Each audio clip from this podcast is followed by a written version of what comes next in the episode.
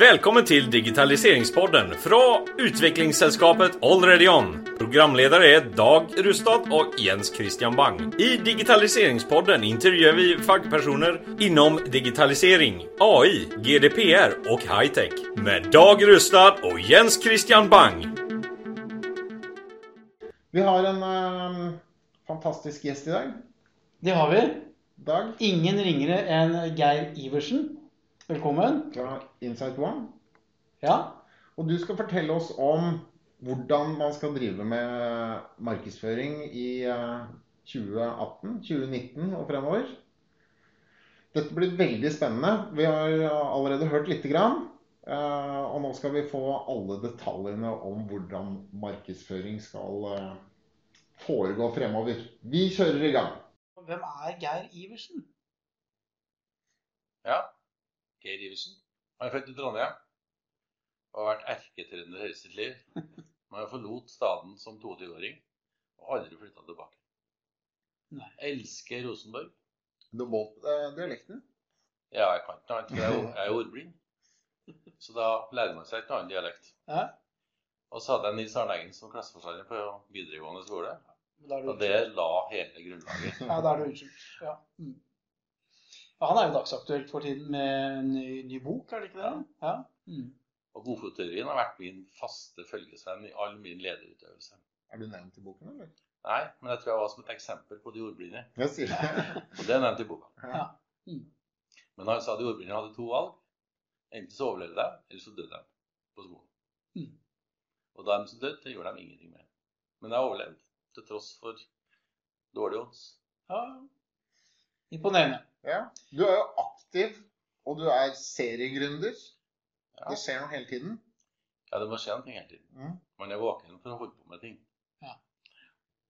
Men uh, du sier seriegründer, Jens Christian. Hva, hva, hvor mange selskaper har du grunnet da, når du er seriegründer? Nei, det vet jeg ikke, men uh, det må i hvert fall være en titalls. Titalls, ja. Så vi er der. Ja. Ja. Så jeg har enten vært med på det selv, Mm. eller vært med sammen med andre. Ja. Så det starta i 1982-83. Akkurat. Men egentlig så starta det da jeg var sju. Oi. For da starta min første sportsklubb, som het Blink. Med regler og lover og systemer som skulle trodd at det var i hvert fall folk som var mye eldre enn meg som hadde gjort. Og blink, eh, hvilken idrettsgren var eh, Det var alt. Det var for hopp, langrenn, og vi hadde hoppbakke i gata. Vi hadde nyttårsrenn, og vi hadde fullbakke. Ja. Hvor mange medlemmer ble det? Vi var sju. ja. Ble det klubbmesterskap?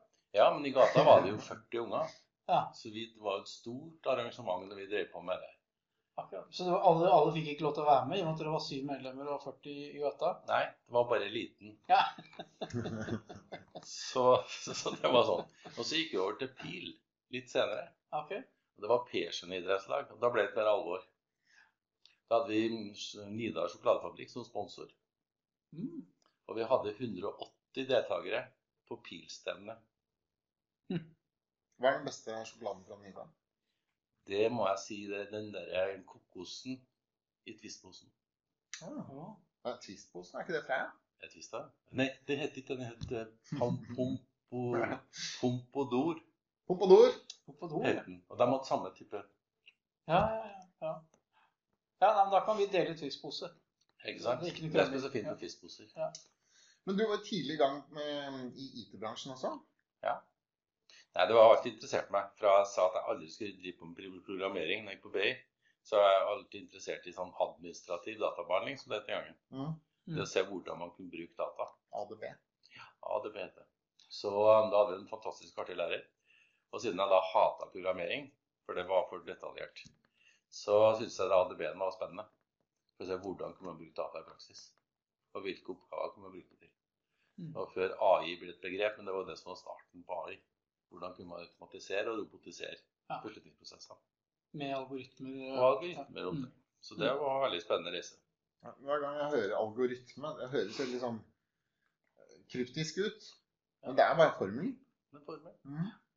men formel er ikke et fint navn. vet du. Hvor, hvor avansert må en eh, formel være for at den skal være algoritme? Jeg tipper en tredjegangsligning må fungere seg lenger. liksom. En gang du får en eksponentiell utvikling i ting, så blir det noe fort fart på ting. Så da er det ikke noe problem. Ja. Men, men eh, da er vi tilbake på begynnelsen av 80-tallet, ikke sant? Ja. Og da startet eh, herr Iversen eh, sitt første selskap. Mm. Bortsett fra sportsskolene. Nei, da var jeg med og reise på ble ansatt i et lite forlag. Som egentlig var starta i 1917 av en herremann som het Emil Diesen. Og han hadde som filosofi at han skulle utgi, utgi bransjebøker. Og de hadde tre eh, kanskje businessideer. Først skulle man samle informasjon fra en bransje. Mm. Så måtte de i bransjen betale for å bli oppført i boka. Mm. Og så solgte man annonser til samme bransjen som bransjen måtte betale for. Og så solgte man boka tilbake til bransjen som de også måtte betale for. Litt tidlig gule side-variant. Ja, det var sånn, Ja. Men det var det eneste oppslagsverket som fantes. Ja. Så det fantes jo Sparebankenes oppslagsbok. Da sto det alt om sparebankene. Det eneste plassen det fantes. Eller du kunne, du kunne finne. Mm. Det heter, det heter mm, grafisk bransjebok. Mm. Du hadde trellastindustriens eh, oppslagsbok. Mm. Og sånn gikk det. Du Mm. hadde ingeniørenes innkjøpsbok. Mm. Så dette er forløperen til data. Det som er interessant, var jo at vi la jo alt, inni, i- alt det her inni en database til slutt. Ja. Og da endra jo forlaget karakter fra å være et forlag til å bli et sånt uh, database publishing house, som vi kalte det så fint på 80-tallet. Ja. Og da la vi ned forlaget. Riktig. Mm. Så da var det bare data. Du, har ikke du også jobbet i katalogbransjen? Jeg har eh, vært i, i Findexa, eller det, nå heter det Niro. eh, Og det, der var jo økonomisk litteratur lenge en del av Jeg tror det er en del av men nå heter det vel ikke det. Nå heter det vel Profinform. feil. Eh, Men, men du nevnte litt før sending eh, at eh, dere var det første forlaget som publiserte eller overførte data til, til produksjon. Så vi Fabricius var en av de fremste teknologi, altså trykkeriene med høyteknologisk nivå. da. Så de, drev og testa ut kan du si, direkte setting av bøker gjennom via data. Og dette var jo veldig tidlig. 1983 da var det nesten ingenting her som fantes. Det var nesten blysats fremdeles i enkelte trykkerier. Mm. Og eh, vi satt da en bok som het 'Norges største bedrifter', som var en oversikt over alle, eller 5000 største norske bedrifter med økonomiske data. En svær tabell av alle, um, alle um, økonomiske data av selskapet. Ja. Og det publiserte vi direkte fra en datamaskin. Mm. Så da satt vi i på vårt kontor og sendte data direkte til Fabricius, hvor de da trykte sidene uten å satse imellom. Men Må du ha en RIP, da? RIP, det vet jeg ikke hva er. jeg husker jeg har vært på sånn digitaltrykkeri, og, og RIP-en var liksom PC-en imellom. Det krevde veldig mye av det. Ja. Så det var jo mye datakraft som skulle flyttes. Ja. Mm. Og den tiden var jo en datamaskin like stor som en fingerbøll i forhold til en, en, telefon i dag. Mm. Så, um, så opplegget var ganske rigid, men det funka jo. Så etter hvert så satte vi alle bøkene på den måten. Og fordi at vi da laga databaser, ikke bøker, så la vi ned forlaget. Ja. Og gjorde om til et informasjonssystem. Mm. Og da var du ute og solgte data på kassetter. Ikke på kassetter. Du Vi solgte på taperull. På taperull var det faktisk. Ja. De vi ante ikke hva det var men jeg traff folk ti år etterpå. Så dette var jo taperull. Og da jeg, fikk jo beskjed om at vi kunne selge da, dette informasjonsstrukturen, eller informasjonsbasen, til, em, eh, til eh, næringslivet. Og han som hadde jobben før meg, da, han hadde solgt hele oversikten av Norges største bedrifter for 25 000 kroner. Og jeg sa det var helt håpløst billig. For det var total samling av de 5000 største bedriftene. Og de sto for 85% av omsetninga i Norge. Ja. Og så er det jo helt håpløst. Så jeg tok med meg samme rull, og så gikk jeg til en veldig oppegående eh, bedrift som het Storbrann, som var langt fremme på å bruke data i sine beslutningsprosesser allerede da. Mm. Så jeg solgte de samme taperullen for 250 000. Og en Sverre Berkeli, som da var markedssjef, han syntes det var kjempebillig. Ja. Og han kjøpte i mange år etterpå. Ja. Hvert år. Ny oppdatering. Og da endra vi karakter med å selge data sammen med bøkene. Mm. Så allerede i 1987 så laga vi en online-plattform for oppslag av eh, data på skjerm. Og Måten vi gjorde det på, at vi gikk sammen med Aftenposten og et stort kredittopplysningsselskap som het Krittinfor den gangen. Og oss, så laga vi da beslutningsstøtte ut fra kredittinformasjon og businessinformasjon og nyhetsinformasjon fra Skipsted. Inn i en og samme plattform. Og plattformen var alle dataselskapene i Norge. Så jeg fikk da den gangen som het ASEDB å snakke med Vestdata, Norddata, Midtendata, vet ikke hva de het alle sammen. Slik at de laga en felles plattform og nådde ut til ca. 70 000 terminaler. Mye på det, det, den tiden. Ja, det var det som var nettverket den Ja, gangen. ja. Og da kunne man sitte i Bergen og bestille kredittinformasjon direkte online. Men da måtte du ringe med modem da, til den datasentralen? Eller var det et nett som var Det var et nett. Altså, det, bakgrunnen til at jeg så det, var at jeg visste at bankterminalene var ute. Mm. Og bankterminalene var knytta til en banksentral. Mm. Og det var de sentralene som Da var var jo nettverket laga. Og det var det bare å sende data igjen og lage et grensesnitt hvor du kunne lese. Spennende. Men så gikk verden videre, Geir. Ja. Du havna i, i, fra forlaget og økonomisk litteratur over i um, DM-huset. Det var en lang, det var noen lang prosess, egentlig. For at det som skjedde, var i utgangspunktet at vi begynte å systematisere informasjon. Og så hadde vi informasjon om hele Norges næringsliv. Ja. Og det var jo business to business-lister som var viktige for oss å, å selge liksom, den gangen. Og DM-huset var da best på å lage businessinformasjon. Da solgte vi informasjonen da, som vi hadde, på hver enkelt eh, bedrift i Norge. Videre til sluttbrukere, som var da ulike bedrifter som, hadde, som jobba business to business. Mm. Så da skilte vi et selskap som het DM-huset. Og vi kalte det for kremadresser. For mye gikk jo bred den gangen. Ja. Så, um, og det selskapet vokste jo ganske fort. Og det ble da noen år etterpå solgt til eh, Bonnier og Telenor, som igjen da starta Bisnode i Norge. Så det var forløperen til Bisnode-systemet. Ja. Så ut av det systemet der, så hadde jo da på slutten av 80-tallet kommet over kanskje geodemografiske analysesystemer, Mm. som da starta selskapet vi driver i dag.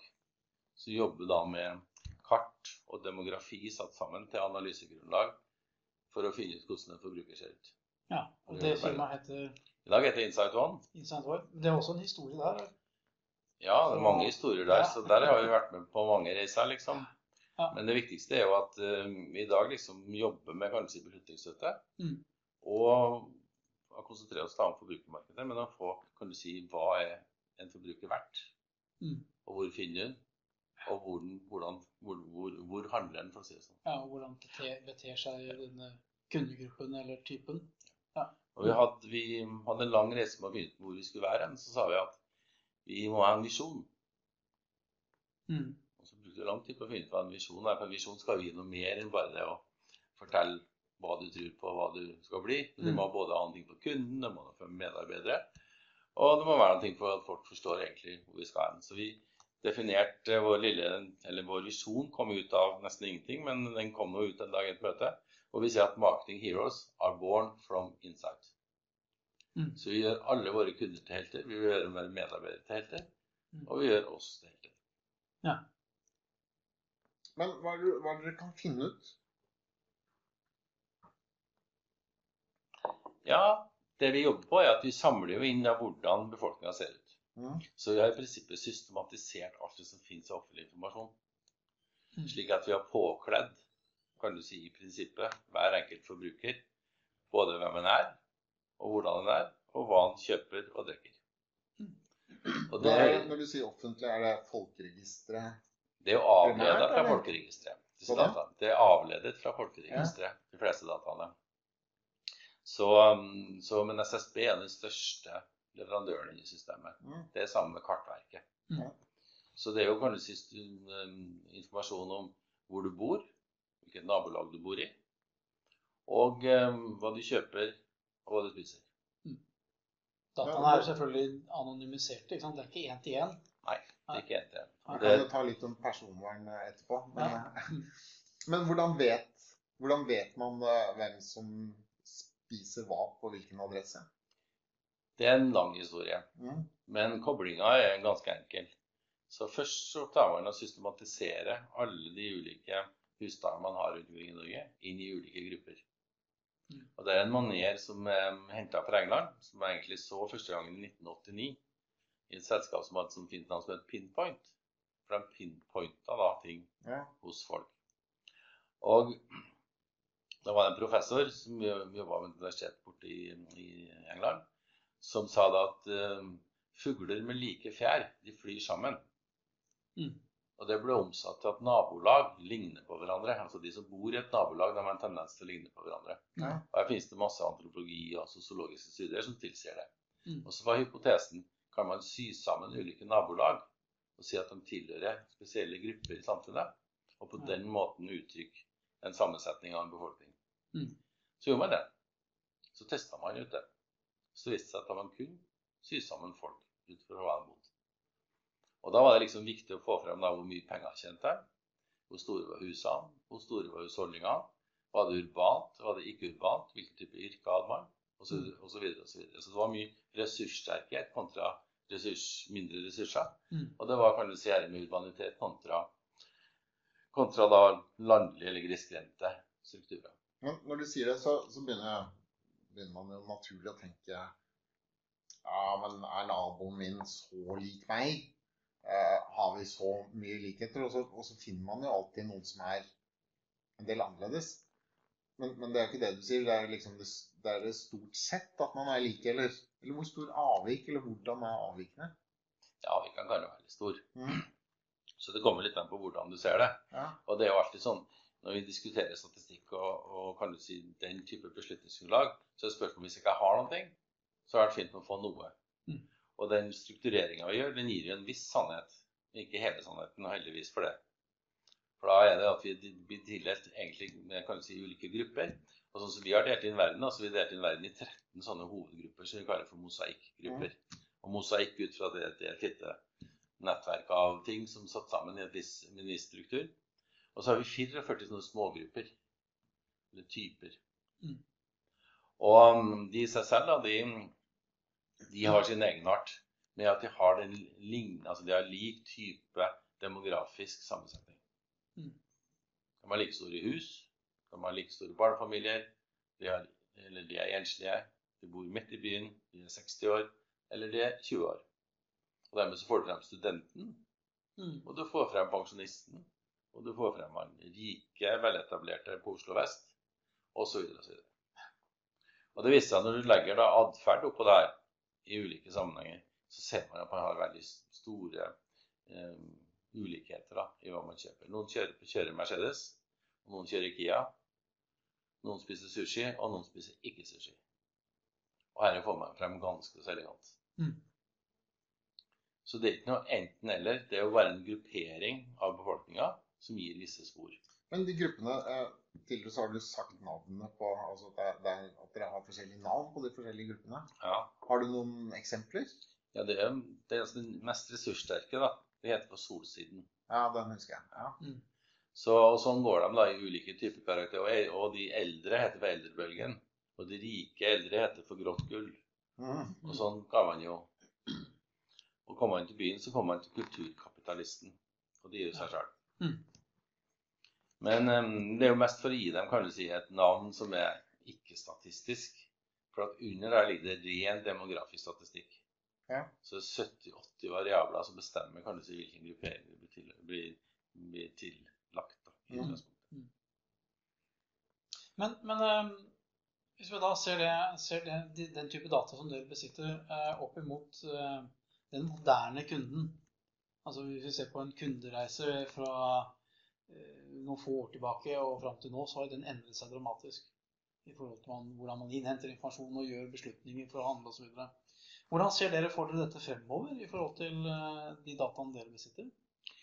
Nei, det har vært en lang reise for oss òg. For da Mm. kan du si starta med at vi ikke hadde digitale kart. 1992, de kom i 92, 93, 94. Mm. Og det tror jo ikke ungdommen på fantes, at det var en verden uten kart. Men før da så tegna man kart for hånd. Ja. Så når de digitale karta kom, så kunne man sette sammen geografi og demografi sammen. Så det er mange historier om det, skal vi ta nå. Men eh, det vi opplevde, da var jo en stødig vekst i det vi holdt på med ganske lenge. Og helt frem til digitaliseringsprosessen tok virkelig fart. Mm.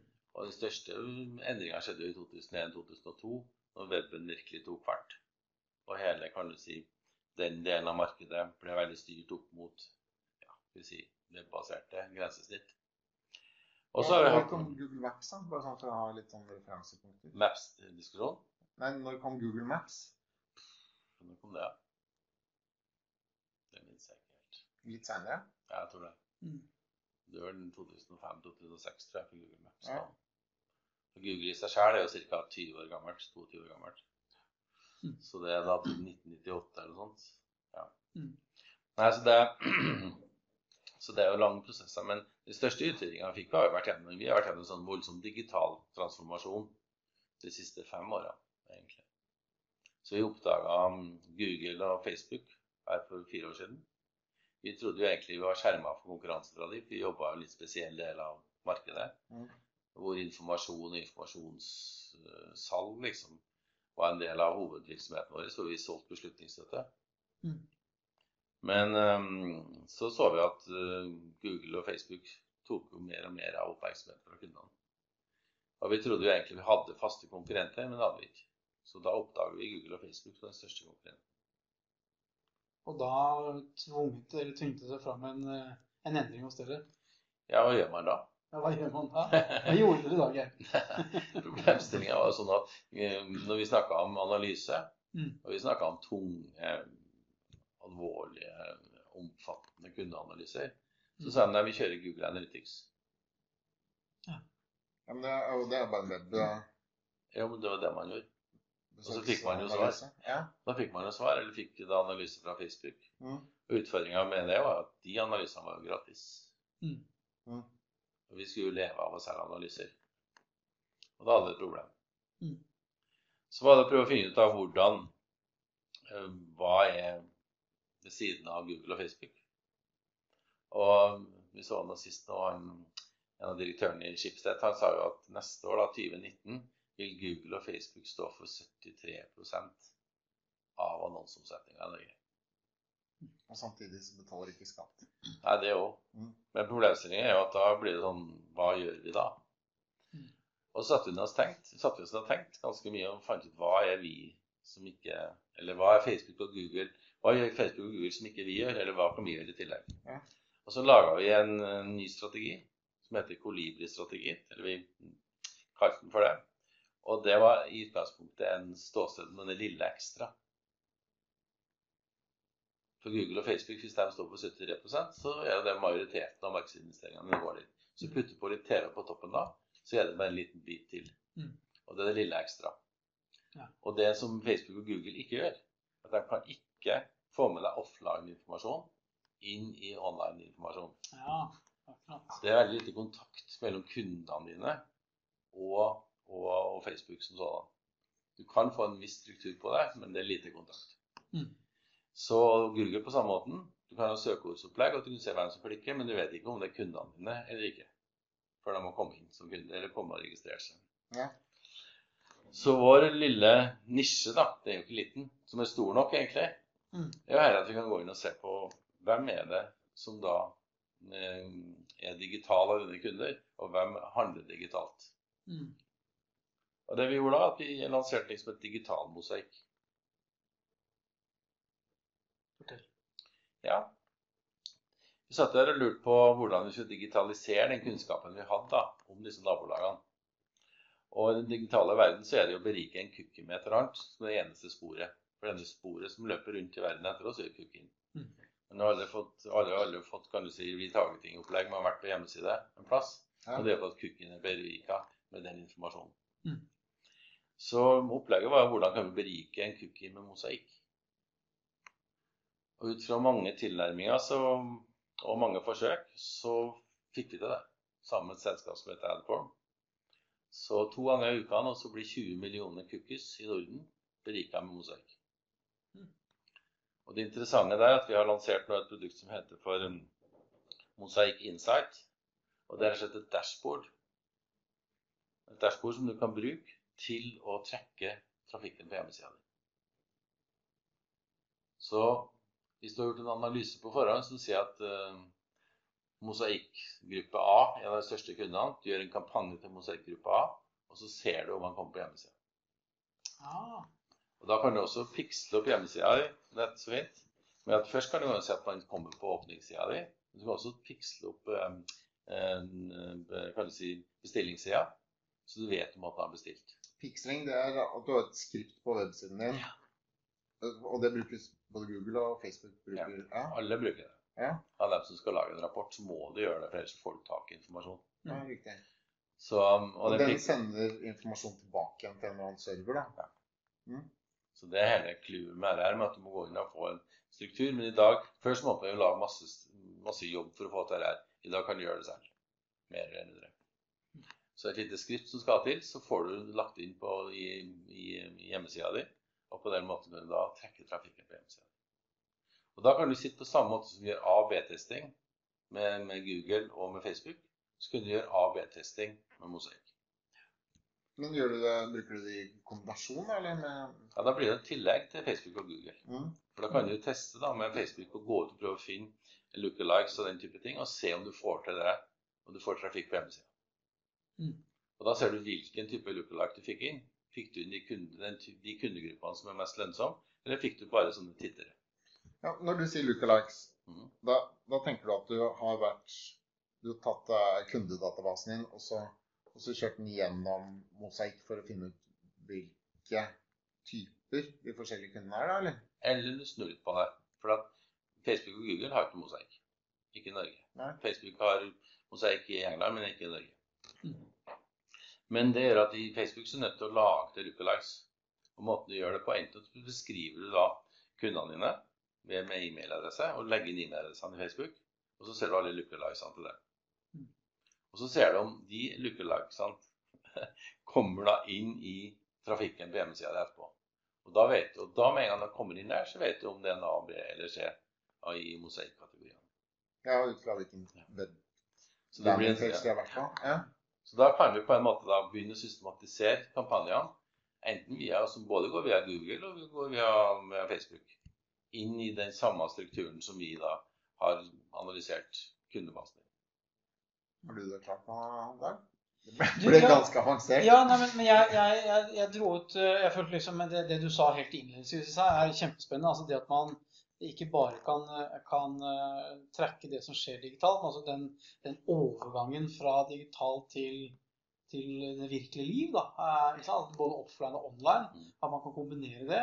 Det er jo en veldig sterk kombinasjon som, som mange har etterspurt. Og det det man har sett nå at Facebook og Google lager da en verden for seg selv. En kombinasjon da mot CRM, som er en stor del av mange virksomheters jobb, liksom med e-mailing og sånne ting, Mm. den henger sammen. Ja. Det er laga mange software-strukturer for det her, men de har ingen på har de hadde fått utnytta dette på en ordentlig måte. Ja, men Hvis du har et CRM-system, og så har du alle kundene dine i det, kommer du til å dele det da med Mosaic og, og Insight One for å få analysen på hva slags Ja, kunder du har? ja, det vi gjør, da, som er veldig enkelt, at vi tar bare altså, tar tak i adressen på samtlige kunder Mm. i eh, kundebasen. Fra Så- CRM-systemet? Så påfører vi det mosaikkoden, den tilhørende mosaikkoden til hvert enkelt. Og Dermed så blir hver enkelt kunde mosifisert, som vi kaller det. Den får en mosaikk-identitet. Mosifisert av det. bra. Stammespråk. Ja, det er veldig bra. Men, men ut ifra da den mosifiseringen og hva slags type de er, så vet du noe om, om typen, da. For da har vi lagt på da, på hver enkelt har vi lagt på via andre typer undersøkelser. Forbruksvaner. Altså i form av går du på kjøpesenter, går du ikke på kjøpesenter, liker du Boss bukse, eller liker du Zalando? Mm. Kjøper du mye, eller kjøper du lite? Og så kjører du reklame på den? Ja. På nett eller på, i postkassa. Da kan du nå velge selv. Mm. For Så da, når du har en konvertering mellom offline og online, så kan du velge. ja, Mm. at, har du den Pix-informasjonen så du kan sende dem den rett- informasjonen. Nei, mye enklere. Ja. Den digitale mosaikken som ligger her, da, det er jo en, det er jo en eh, kan du si, stor elv av informasjon. Og Der ligger jo samt, tilgangen til samtlige programmatiske børser, annonsebørser, i hele verden. Mm. Så hvert enkelt mediebyrå i Norge kan gå inn og si at jeg skal ha bare selv til mosaikktype A eller B. Og så får du bare de leserne opp når vedkommende tar tak i vg.no eller aftenposten.no. Og det er lookalikesene. Nei, det er ikke lookalikesen. Det er jo da mosaikktypen, Mm, Ja, ja. faktisk. Ja, men er det ikke lookalike hvis det er samme mosaikktype? Jo, på en måte, men det er ikke samme type lookalikes um, um, med tankegang da, som, som, som, eh, som Facebook har. Men på, det funker på samme måten. Men dette høres jo mye mer eller ikke, treffsikkert enn du vet, Hvis du har søkt på en reise til Istanbul f.eks., så forfølger jo den annonsen med billetter til Istanbul senere. Og det, det er jo fiks-tankegangen. Mm. Men her så drar du det mye lenger, da. Absolutt. Så du, du, altså effekten på disse kampanjene blir jo voldsomme. Ja. Så det gjør jo at du plutselig har fått det lille ekstra. Facebook og Google vil leve sitt liv, for de har en veldig bra struktur på det de gjør, og søketeknologi er spennende. Eh, Men det vil gjøre at vi kan være det lille ekstra, som gjør at man får den ekstra informasjon, den direkte kommunikasjonen, også i den digitale flata, som man før hadde i DM, altså vanlig brev. Men er dette bare til konsummarkedet? Ja, Stort sett så funker det på konsumentene. Ja. Det er jo fordi at eh, konsumentmarkedet er såpass sammensatt. Bedriftsmarkedet, er jo litt mer oversiktlig Mm. i mange sammenhenger, men det er jo en litt annen verden. Så oppsummeringsvis så burde egentlig alle ha mosaikk-koda databasene sine og bruke dette i, i markedsføringsøyemed. Ja, det tror jeg nok Det, er de bør det er du enig i? Absolutt. Men det vi har sagt for, altså gjennom prosjektet da, med den digitale mosaikken, utvikling av det, så så vi jo at eh, kanskje mosaikk blir en digital valuta, for å bruke uttrykket. Mm. Så i fjor var det fem milliarder visninger i Norden med bruk av den digitale mosaikken. Mm. Så, um, så her står vi for enten en kjemperevolusjon, Mm. Eller at det blir enda større revolusjon. Ja. For det lanseres nå i 21 land i Europa. Ja. Så det er en teknikk som er funnet opp da på kjøkkenbordet hos oss, og som ser ut til å vinne frem i eh, mange andre og mer komplekse markeder enn i Norge. Jeg føler at vi har liksom gravd oss litt på baksiden av og tatt med seerne og lytterne våre til noe som man vanligvis ikke får lov til å oppleve. Altså, dette her er jo liksom behind the scenes i markedssammenheng. Ja. Det er kjempespennende. Ja, det er det absolutt. Mm. Eh, Hvis, hvis man skal starte med, med et sånt prosjekt, hvor lang tid må man forvente at det tar? Liksom, å komme i gang med? Det kan ta alt fra ti minutter til to måneder. Mm. Men man kan komme i gang på altså det, det brukes så lang tid som det tar å lese i en database. Ja, riktig. Er det ongoing etterpå, da, eller? Så kan det være både ongoing og eventuelt da sekvensielt. Alt ettersom man ønsker seg. Ja. Mm. Så, Hyppighet og, og type data. Ja, mm. ja skjønner. og så var det litt, av det òg. også en tradisjonell kundeanalyse der. ikke sant? Hvem kjøper mest, hvem kjøper minst. Customer lifetime value-diskusjoner. Mm. Hvor treffer du kunden? Hvilket media kan du treffe kunden i? Hvilke budskap skal det være til de forskjellige grupperingene? Absolutt. Ja. Kan du si noe om noen av de kundene du har i dag som bruker det? Ja, Vi har jo mange forskjellige typer kunder. Så det er fra Telia til bilstrukturer til store forsikringsselskaper. Mm. Så vi bruker det både i riskvurderinga si og i kan du si, markedsføringsarbeid. Siste kunden vi jobber med nå, som er ganske spesiell, og som har dratt kan du si, metodikken og teknikken ganske langt, er at vi er rådgivere i forbindelse med et demensprosjekt i Bærum og Kristiansand kommuner Mm. Mm. hvor de, eh, hvor de kanskje skal prøve å systematisere brukere ut fra hvilken befolkningsgruppe de har kommet fra. Mm.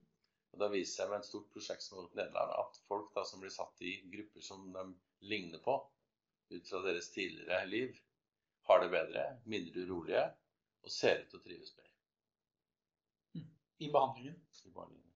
Yes. Eller bosituasjon? Ja, det blir jo bosituasjon. Det er jo det, det, det hjem. skal jo bo Ja. der. Mm. Så i Bærum bygger jeg nå 350 slike enheter. Og hvis det er sånn, så er det vel 120 enheter de skal sette i gang i løpet av 2019-2020. Jeg så de brukte, uh, brukte VR, sånn hjelm Mm. uh, og, og briller, på demente som, som bare satt i sengen og var veldig apatiske. Og så satte de på dem, og der var det en strand. Så Mm. satt de og tittet rundt, og så hørte de lyder av måker. Og, Mm. og, og de var egentlig ganske triste sånn i utgangspunktet. Og så satt de og smilte og koste seg på stranden. Så det er, det er mye Hvis man har den rette informasjonen, så kan man sende i den riktige VR-informasjonen er etterpå, som, som gjør at, at uh, livet blir på en høyere kvalitet sånn på slutten. da. Ja. Og her er det snakk om eventuelt hav. Stue med piano i, stue med maritimt preg i. Mm. Altså det som har vært vant til å sett, liksom. Eller folk som kommer da fra primærnæringa, liksom er vant til den type eh, om, omgivelser, for å si det sånn. Og så prøve å tilpasse det. Og ikke minst dele aktiviteter. Det det er veldig spennende, syns jeg. Jeg- kommer litt fra, fra bakgrunn i, i informasjonsbransjen sjøl. Og må si at det er veldig spennende å se hvilke beslutninger man kan ta i de forskjellige segmentene. Altså Her er vi fra markedsføring på, på nettet til, til, eh, til helsevesenet. Mm. For å kunne gi pasientene en bedre hverdag. Hvordan man bruker da beslutningsstøtte på, på bakgrunn av data eh, og informasjon. Det er eh, svært interessant. Men en, en ting som jeg bare, bare tenker på Jeg tror grunnen til at Google Ads har tatt av det har blitt sånn allemannseie, eller alle bedrifter bruker det, er fordi det er så du kan, du kan gå inn på veldig lav kost. Liksom. Bedrifter som tidligere ikke tok seg råd til å annonsere, de har begynt å annonsere på, på Google, og så sier de ja, men jeg bruker en tusenlapp i, i måneden eller 5000.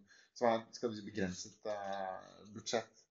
Har dere noe tilsvarende sånn lave innslagspunkt? Altså at man kan starte uten å Med digital mosaikk så koster det 200 kroner start. 300 kroner, 400 kroner. Du betaler per views. mm. Så det koster akkurat det du har råd til. Og så kan du bruke det så lenge du vil, og så vil du se resultatet direkte. Og så vil du da teste ut om det funker eller ikke funker. Og det er klart at i, i alle hele den sosiale medieverden så kreves det ekstremt mange views for å få noe respons, stort sett. Hvis ikke du har noe helt spesielt da, i Facebook som sier at dette må alle de 300 vennene dine ha. Men det er jo ikke så mange produkter som er sånn. Så i generell basis så må man opp en enorm kan du si, reach, som vi kaller det, som å nå ut til mange. Du må gå til, gå, nå ut til de riktige mange. Så det er liksom litt av utfordringa. Ja, det høres, høres veldig spennende ut. Mm. Jeg tror vi må høre mer om, om dette senere. Så vi må invitere Geir igjen. Eh, Dette her er definitivt ting som, eh, som vi sikkert vil eh, være gjentagende i, i fremtidige podder Ja. i forskjellige settinger. Jeg tror ikke man kommer unna det, det faktum at man må ha beslutningsstøtte i form av data. Nei, Det siste vi så nå, var at i forbindelse med AI-prosjekter, så det å få gruppert befolkningsstrukturer gjør at prosjekter med, med AI-fortegn liksom, kan Mm. bli lettere å tolke. Ja. Men eh, hvis noen vil komme i kontakt med deg, hvordan gjør de det? Nei, Du sender meg en mail. Sender deg mail? Det er Geir. Geir, Inside One. Geir er Inside One, Mm. og da er det Inside NO. One, Inside One på engelsk. Ja. Insideone.no. og det er også nettadressen. Så bra. Da har vi også fått eh, en flott prat med Geir Iversen fra Inside One. Vi har lært noe nytt i dag. Det har vi. Vi har fått sett litt i bakspeilet på morsom historikk fra 80-tallet og fram til nå, og hvordan ting kan se ut fremover med, med mosaikk, eller digital mosaikk. Mm. Tusen takk her for at du stilte. Takk for det. Eh, Veldig interessant. og håper vi får eh, invitere deg igjen senere. Absolutt. Og dere seere, eller lyttere, dere må følge med på nye podder som kommer eh, forhåpentligvis ukentlig. Takk for i dag. Takk for i dag. Vi deler inn digitaliseringen i inkrementell digitalisering som er små forbedringer og automatiseringer av eksisterende rutiner. Strukturell digitalisering som er store forbedringer som fører til endring av virksomhetens organisation. Disruptiv digitalisering som river ned eksisterende marknader og skapar nye. Denna sändning av Digitaliseringspodden er produsert av utvecklingssällskapet Already On. Tack för att du har lyssnat på Digitaliseringspodden!